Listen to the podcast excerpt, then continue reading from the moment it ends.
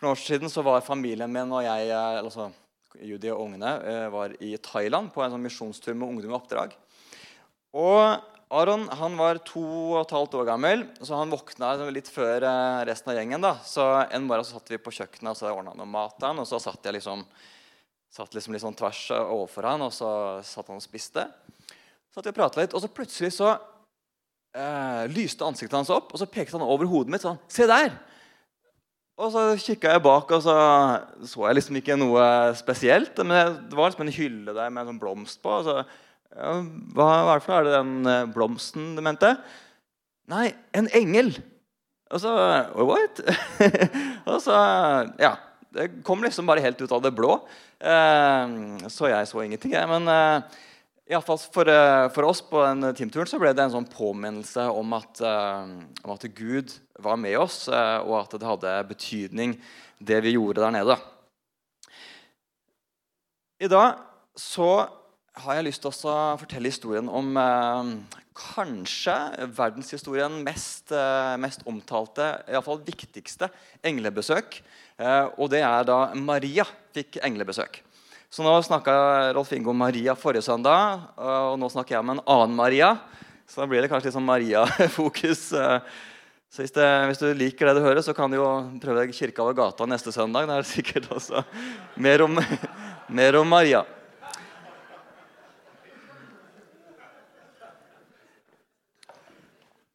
Ja, da, da, leser vi sammen i Lukas 1. Og jeg tipper at dette er en historie som du har hørt mange ganger før. I hvert fall en del av dere. Men, men, lytt som det er for første gang. Følg med nå, for her er det så mye gull som vi skal grave fra. Men da Elisabeth var i sjette måned, ble Gabriel sendt fra Gud til en by i Galilea som het Nasaret. Til en jomfru som var lovet bort til Josef, en mann av Davids ett. Jomfruens navn var Maria. Engelen kom inn til henne og sa, Vær hilset, du som har fått nåde. Herren er med deg. Hun ble forskrekket over engelens ord og undret seg over hva denne hilsenen skulle bety. Men engelen sa til henne, 'Frykt ikke, Maria, for du har funnet nåde hos Gud.' Hør, du skal bli med barn og føde en sønn, og du skal gi ham navnet Jesus. Han skal være stor og kalles den høyeste sønn. Og Herren Gud skal gi ham hans far Davids trone. Han skal være konge over Jakobs hus til evig tid. Det skal ikke være ende på hans herredømme, eller kongedømme. Maria sa til engelen, 'Hvordan skal dette skje når jeg ikke har vært sammen med noen mann?' Engelen svarte, 'Den hellige ånd skal komme over deg, og den høyestes kraft skal overskygge deg.' Derfor skal barnet som blir født, være hellig og kalles Guds sønn. Og hør, din slektning Elisabeth venter en sønn, hun også, på sine gamle dager. Hun som de sa ikke kunne få barn, er allerede i sjette måned. For ingenting er umulig for Gud. Da sa Maria, se, jeg er Herrens tjenestekvinne. La det skje med meg som du har sagt. Så har vi be litt sammen. Takker deg, gode Gud, fordi at eh, du er her midt iblant oss. Vi takker for ditt ord som du har gitt oss. Og nå ber jeg om at eh, ved Den hellige ånd at du skal snakke til oss og gjøre noe i våre liv som kan få en betydning for det, den, eh, den verden vi er en del av, våre omgivelser. Så møt oss i dag. I Jesu navn. Amen.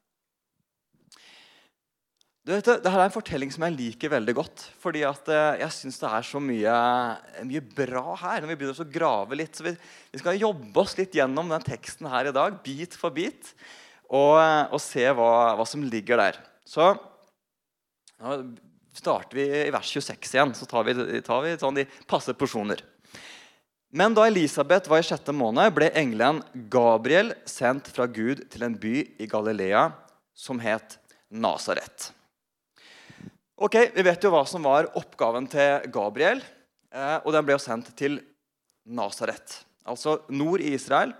Til en ganske liten og ubetydelig by. Altså Nasaret den, eh, den, er ikke engang nevnt i Det gamle testamentet. Og på Jesu tid så var Nasaret det var liksom, eh, det var liksom Man tenkte veldig dårlig om det. Jeg fikk lyst til å komme med noen sammenligninger fra vårt område, liksom, men, men glem det. Men det er liksom, folk regna ikke altså, Nasaret, liksom, hva er det for noe? Og det er en litt sånn kul eh, sånn detalj I Johannes 1 så kaller jo Jesus disiplene sine, og så kaller han Philip. Og Så blir Philip veldig begeistra over Jesus, og så kommer han til vennen sin Natanael. Eh, og Da står det i Johannes 1. Philip traff Natanael og sa til ham, 'Vi har funnet ham som Moses har skrevet om i loven, og som også profeten har skrevet om. Det er Jesus fra Nasaret, Josefs sønn.' Veldig begeistra. Og så kommer det sånn muggent fra Nathanael. 'Kan det komme noe godt fra Nasaret?' sa Nathanael. Philip svarte, 'Kom og se'. Men det var liksom den holdningen som råda. Kan det komme noe godt fra Nasaret? Men vet du hva? Jeg tror liksom at Jeg tror ikke det var tilfeldig at Gabriel, eller Gud, da, eh, sendte Gabriel til Nasaret. Hvis vi ser i Bibelen, så er det et mønster her. Og, og eh, Paulus han skriver noen veldig kule ord jeg, i første korinterbrev. Han, han skriver til korinterne, snakker om at de er utvalgt av Gud. Og så står det fra vers 26. Se på dere selv, søsken, sier Paulus da. Dere som ble kalt. Ikke mange vise etter menneskelige mål. Ikke mange med makt eller av fornem slekt. Det er liksom akkurat som han, eh, han prøver liksom å fornærme dem. ikke sant? Eh, og så fortsetter han. da. Men det som i verdens øyne er dårskap, det, det utvalgte Gud for å gjøre de vise til skamme. Og det som i verdens øyne er svakt, det utvalgte Gud for å gjøre det sterke til skamme. Ja, det som i verdens øyne står lavt, det som blir foraktet, det som ikke er noe, det utvalgte Gud. Og Så fortsetter han da å snakke om at de er nye skapninger i Kristus. Og Det som blir viktig i dag, det blir også å overføre det vi leser nå, på våre liv. Og Det kan jo hende at du ser på deg sjøl og ikke tenker så veldig store tanker om deg sjøl. Kanskje tenker, ser du på deg sjøl som liten og ubetydelig. Kanskje sammenligne deg sjøl med andre. Også. Ser du hva andre har liksom oppnådd, og du ser hva andre får til, og liksom hvilken livsstil de har. Eller ser på dine egne ressurser eh, eller evner, og så tenker du liksom små tanker om deg sjøl. Tenker kanskje at eh, Jeg vet ikke om Gud kan bruke meg. jeg vet ikke liksom hva skal jeg gjøre for noe? Har jeg liksom det som skal til? Men hva er det fortellingen viser oss? Nettopp det som er lite og ubetydelig, i hvert fall i andre menneskers øyne. Akkurat det utvelger Gud. Det som, det som blir forakta, det som eh, i verdens øyne står lavt, det som ikke er noe, det utvalgte Gud seg for å gjøre det sterke til skamme. Så ikke diskvalifiser deg sjøl for hva, hva, Gud kan bruke deg til. Det er nettopp sånne som deg. Hvis du, hvis du kjenner deg som liten og betydelig, nettopp sånne som deg velger Gud seg ut. Det kommer ikke an på deg, da. Vi leser videre i vers 27. Så engelen kom, Gabel kom til en jomfru som var lovet bort til Josef, en mann av Davids ett. Jomfruens navn var Maria. Nå var det sånn at eh, Vi leser at hun var lovet bort til Josef. Og Det var sånn at det, det hebraiske ekteskapet det hadde to stadier. Det ene det var noe som het kiddushin, og det var eh, en sånn forlovelse. da. Og så var det happa. Det er en sånn eh, vigselseremoni, og den kom da seinere. Og det var liksom etter happaen at det ble litt sånn happa-happa, da, hvis du tok den. så så det var liksom, De var forlova, de hadde gjennomgått en kiddushin. Men det var en sånn bindende kontrakt. Det var en forpliktende kontrakt. Og den var såpass forpliktende at hvis f.eks. Josef skulle dø før de hadde, hadde gjennomgått den vigselseremonien, så ville Marie bli regna som enke. Så hun var lova bort til Josef. Så står det i vers 28.: Engelen kom inn til henne og sa, 'Vær hilset, du som har fått nåde. Herren er med deg. Jeg liker de ordene her veldig godt. Og så tenker jeg, bare Forestill deg da, at det, hadde kommet en engel inn i rommet ditt. Og så hadde den sagt, 'Vær hilset, du som har fått nåde. Herren er med deg.' Hadde ikke det vært en vanvittig bra hilsen å ha fått? Men poenget er at du har fått den hilsenen. Rolf Inge var inne på det her da han uh, snakka om nattverden og med nåden vi har fått. ikke sant? Altså av alt det gale vi har, du og jeg har gjort, så ble det et skille mellom oss og Gud. Men i sin kjærlighet så ønska ikke Gud å opprettholde det skillet. Han ønska nærhet. Derfor tok han og sendte sin sønn til jorda, som tok og døde på korset for alt det gale du og jeg har gjort.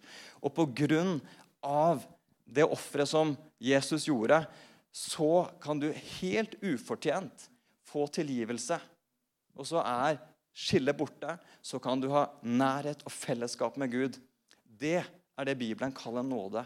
Og det har vi fått hver enkelt. Og så sier, sier Jesus 'Jeg er med dere alle dager inntil verdens ende'. Du er aldri alene.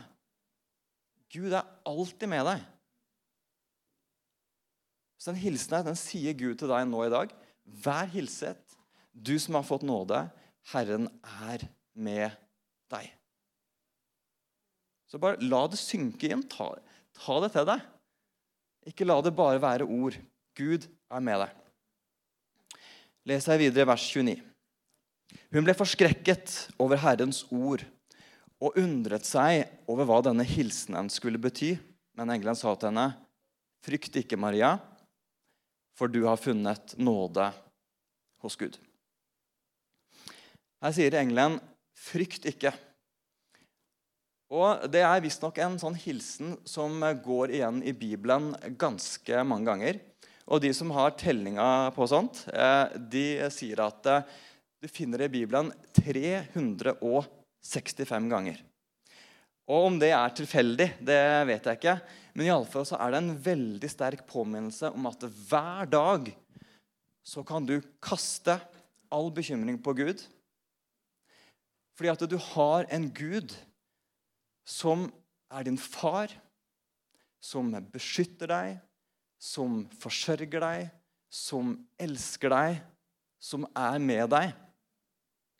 Og den herre Frykt ikke det henger sammen med det at vi har fått nåde av Gud. Altså Gud han, han ser jo ikke på deg og så ser dine begrensninger, ser dine feil og mangler. Han har gitt deg sin rettferdighet. Du er like rettferdig som Gud er. Det er det å være tilgitt av Gud. Du er akkurat like rettferdig som Gud er. Du har fått nåde, og Gud sier vær ikke eller frykt ikke. Og Det henger jo tett sammen med denne befalingen også som Paulus skriver. Vær ikke bekymret for noe. Altså, På grunn av den gode faren som Gud er, så kan vi faktisk kaste all bekymring på han. Han har omsorg for deg. 365 dager i året og 366 dager i skuddår. Vers 31 sier det englene videre. Hør. Du skal bli med barn og føde en sønn, og du skal gi ham navnet Jesus. Han skal være stor og kalles den høyestes sønn. Og Herren Gud skal gi ham hans far Davids trone. Han skal være konge over Jakobs hus til evig tid. Det skal ikke være ende på hans kongedømme. Jeg tror det var ganske mind-blowing for Maria å få de orda her. Jeg tipper hun hadde sett for seg et mer sånn vanlig liv. Litt mer sånn A4. Hun var liksom en enkel eh, jente fra Nasaret. ikke sant? Og, og hadde aldri drømt om det her. Tenk på noe litt mer ordinært. Men, men Gud han kan virkelig gjøre store ting gjennom helt vanlige mennesker. Jeg hadde bare lyst til å fortelle kort eh, om eh, en person som jeg ser veldig opp til. da. Eh, han er gått bort nå, men han heter Arild Edvardsen. Og eh, Mange av dere kjenner det navnet. Han, han, jo med også, han, han starta jo Sarons Dal nede i Kvinesdal. Og, og, eh, var nede der og fikk hørt han flere ganger før han gikk bort. Men han starta jo eh, Troens bevis, som Arena har et, samarbeid med. Vi har sendt ut 25 eh, innfødte evangelister gjennom, eller i samarbeid med Troens bevis. Men Arild han, eh, han, eh, vokste opp med en, eh, en, bestemor som fortalte bibelhistorier. Men han, han, følte at, at kristendommen handla bare om bud og regler, så han vendte liksom ryggen til det. Og levde et helt annet liv. Han var 17 år gammel og reiste rundt som countrysanger på Sørlandet. og så ble kjæresten hans gravid. Eh, og de måtte flytte hjem til eh, faren hans. Han og, ble, de måtte gifte seg da. Eh, og ja, var kanskje ikke på et helt bra sted, men så ble han invitert med på et pinsemøte.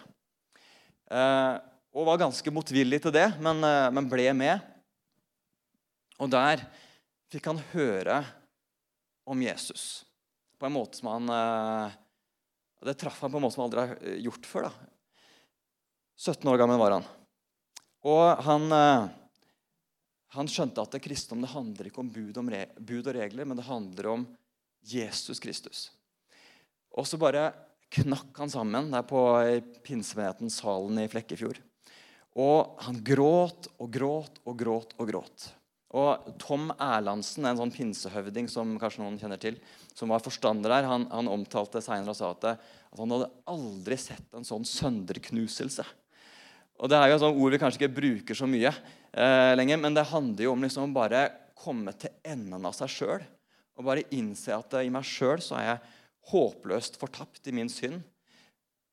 Og bare være helt avhengig av Jesus og ta imot Jesu nåde. Eh, Arild han eh, første han leda til Jesus, det var kona si samme kveld. Og så ble han helt hekta eh, på å lese Bibelen. Leste Bibelen timevis og, og kunne ikke få nok. Han ble senere fylt med Den hellige ånd. Eh, og så begynte han å reise rundt og forkynne litt. Og så var det en dag i 1960. Da hadde han eh, fasta og bedt i flere uker. Og folk var liksom bekymra, for han begynte å bli så mager. Hvordan skal det gå med Arild?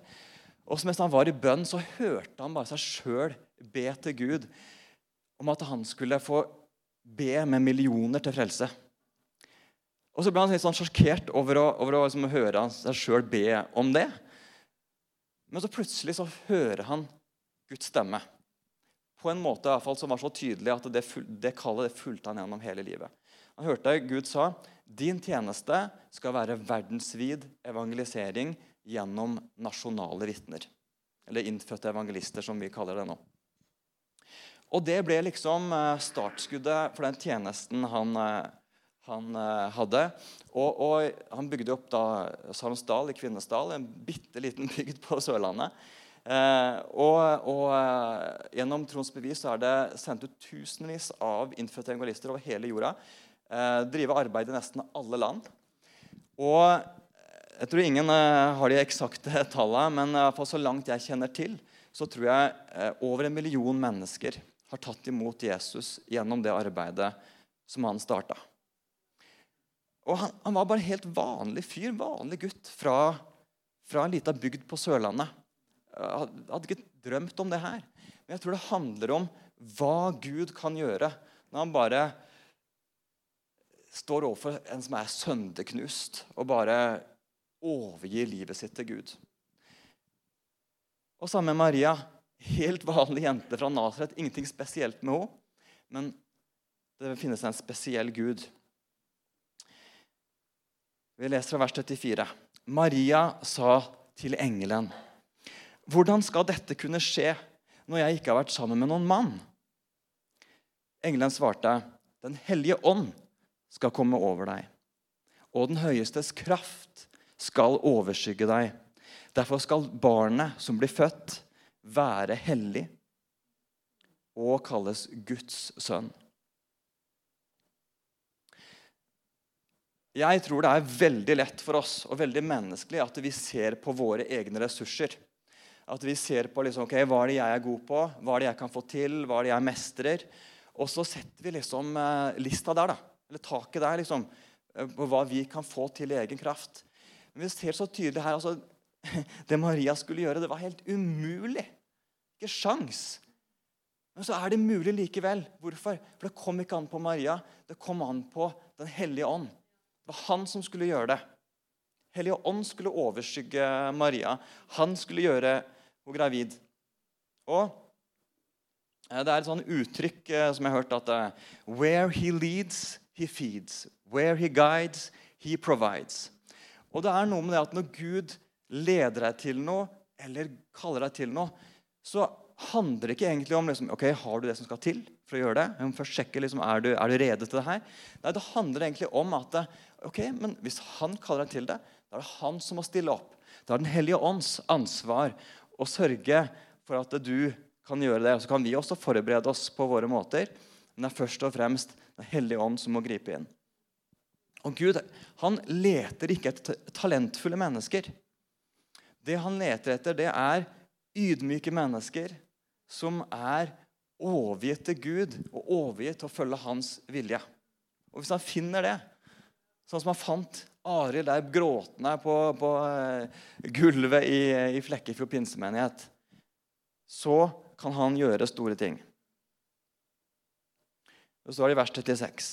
Og hør.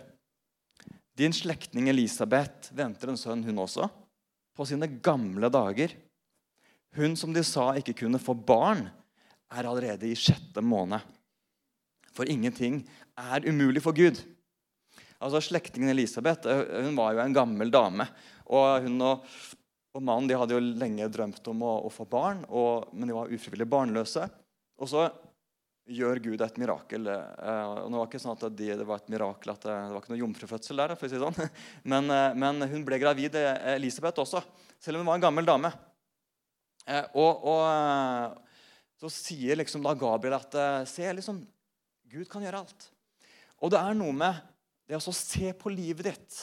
Hva er det Gud har gjort i livet ditt allerede? Fordi at eh, Vi kan befinne oss i situasjoner iblant hvor vi liksom tenker at eh, Hvor er Gud nå? liksom? Hva er meninga med det her? Og, og eh, som opplever som kanskje ikke bønnesvar, og så kan ting se litt mørkt ut.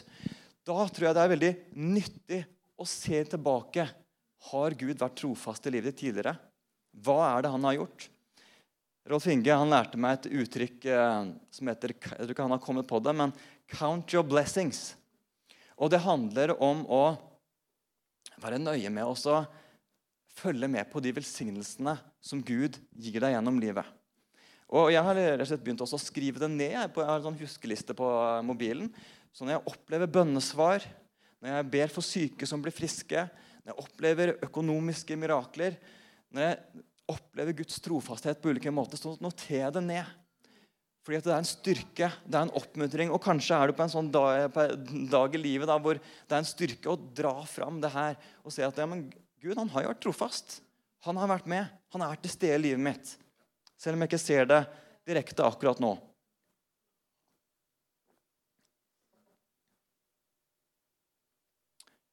Så kommer siste vers her, 38. Da sa Maria. Se, jeg er din tjenestekvinne. La det skje med meg som du har sagt. Nå har vi snakka på arena om etterfølgelse nå i høst. Og jeg tenker De orda til Maria her, det er kjernen i disippelskap. Se, jeg er din tjener. La det skje med meg som du har sagt. Kristenlivet det handler ikke om, om, hva du og jeg vil, men det handler om hva som er Guds vilje. Og når vi kommer dit, da, at det er det som betyr noe altså Samme hva jeg vil. altså det er, det er sekundært. Men hva er det du vil? For jeg vil det samme som deg, Gud. Når vi kommer dit, det er da jeg tror Gud kan gjøre store ting gjennom oss. Og det ble ikke noe lett reise for Maria etter det her. Altså Det første som skjedde, det var jo at Josef ville skille, seg. Og tenk, Maria har hatt sin største åndelige opplevelse noen gang. Ikke sant? Kommer og begeistra til Josef. 'Vet du hva? det, det kom en engel inn i rommet mitt, og han sa at jeg skal føde Guds sønn, og hans eh, kongedømme skal aldri ha noe ende. Og jeg, jeg, jeg er gravid, og jeg skal føde. Og, og liksom, så begeistra. Og så var resultatet Josef ville skille seg. Altså, Han var en hederlig mann. Han hadde jo ikke noe uh, tro på denne jomfrufødselen. Så, så han, uh, så han uh, ville bare bryte den avtalen. ja. Men så heldigvis så kom en engel til, til, Josef også og fortalte at nei, ikke vær redd for å gifte deg med Maria. Hun, det, er, det, er, Gud som, som er på ferde her. Men det ble ikke noe lett for det kom jo den tåpelige keiser Augustus da, med denne befalingen om at eh, alle skulle innskrives i manntall. Og de måtte dra tilbake til hjembyen sin. Så Maria, da, høygravid, opp på eselet, ikke sant? reise til andre kanten av landet for å komme seg til Betlehem. Det er mange her som har vært gravide. Jeg vet ikke om du har vært på lange bilturer og er høygravid. Det er, det er, noen eh, dostopp, er det ikke det? det er ikke så veldig mye det er plass til den blæra når liksom, eh, fosteret presser på. Og så humpe der på eselet ikke sant? Eh, tvers eller på langs da, av, Israel for å komme til Betlehem. På en ganske farefull reise hvor det var røvere på veien. Måtte reise i dagevis. Og så endelig kommer de fram og bare Yes! Framme! Endelig! Kan vi slappe av? Kan vi finne en seng og hvile litt? Og så er det ingen som har plass til det. Det eneste stedet de liksom kan få slå seg til, er i en stall. Stanken der, der skal hun føde. Det Glad det ikke var meg, for å si det sånn. Av flere grunner. Og så når endelig Jesus er født, og vise menn har vært der, og liksom ting begynner å se positivt ut, hva som skjer da? Jo, kongen bestemmer seg for at det barnet skal ryddes vekk fra verden. Og han er ikke villig til å, å, liksom kompromisse på noe. Han gjør hva som helst for å få drept det barnet. Bare tenk deg da, liksom om akkurat er født, og så kommer regjeringa med en sånn befaling om at det barnet skal dø. liksom, For enhver pris. Så de må jo flykte utenlands ikke sant, til Egypt. Bo der i flere år på flukt. Og så vokser Jesus opp og er misforstått og, og blir forfulgt. Og så ender det med at Maria ser sønnen sin torturert og hengt på et kors. Man skulle jo tro liksom at når man velger å følge Jesus, så og liksom velger å gjøre det rette, da, da, da skal ting gå liksom bra. da. Du gjør det rette. Men så viser det at det å følge Jesus det er liksom ikke som en sånn lineær graf og liksom det hele tida går liksom fra herlighet til herlighet. Det viser seg at det kan være ganske tøft å følge Jesus. Det er ikke en, det er ikke en lett reise. Og det ble det ikke for Maria. Men hun fikk ikke bare se sønnen sin hengt på et kors. Men hun fikk se han levende igjen. Og hun fikk eh, oppleve Jesus ikke bare som sin personlige frelser, men som hele verdens frelser. Og det er fordi at det vil alltid lønne seg å følge Jesus. Det kommer med en pris. Det kommer med en kostnad å følge Jesus, men det er alltid en pris som er verdt å betale. Og så har jeg tenkt på det her, da. Hva om Maria hadde sagt nei? Så Gabriel kommer der. ikke sant? Du skal føde høyeste sønn, og så sier han nei, vet, vet, du hva? Nei, velg noen andre. Som det her. Nei, det kan jeg ikke gjøre. Tenk om jeg hadde sagt nei. Tenk om Jesus, vår frelser, ikke hadde blitt født til jorda. Altså en grufull tanke.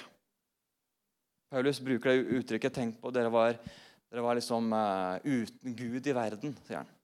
Og Det hadde vi vært alle hvis ikke Maria hadde sagt ja. Vært uten Gud i verden fortapt. Og så kan vi innvende ja, ja, men kan jo, Gud, eller Gabriel kunne jo gått til noen, en annen jomfru. Ja, det kunne han ha, kanskje ha gjort. Men måtte likevel funnet en som hadde sagt ja. Og Nå skal ikke jeg lage noen sånn ny teologi rundt her, men vi vet jo ikke engang om Maria var den første han gikk til. Men han møtte Maria, og hun var villig. Og hun sa, 'Se, jeg er Herrens tjenestekvinne. La det skje med meg som du har sagt. Når Gud utfordrer deg på noe, så ikke overse det kallet, men, men gi samme respons som Maria. La det skje med meg som du vil. Da tar vi ber sammen. Kan du komme fram, Pål? Takker deg, gode Gud, for at du sendte Gabriel til Maria, og at Den hellige ånd fikk overskygge Maria. At hun var villig til å bære fram din sønn, vår frelser. Jeg takker deg for at vi kan være samla her i dag om navnet over alle navn, Jesus Kristus, vår frelser. Og så ber jeg for oss at når vi blir møtt av din, eh, din utfordring på ulike måter, at vi skal gi den samme responsen. Hjelp oss til å være dine disipler og følge deg. Koste hva det koste vil. Takk for at du kan gjøre store ting gjennom ydmyke og overgitte mennesker som gjør din vilje. Så legger den dagen her i dine hender. Jeg legger denne adventstida i dine hender. Takk for at vi kan minnes det fantastiske at du ble menneske, at du kom til jord for å bli som en av oss og leve det liv ikke vi klarte å leve og dø den døden som vi fortjente. Takk, Jesus, at du kom for oss. Og gir deg all ære.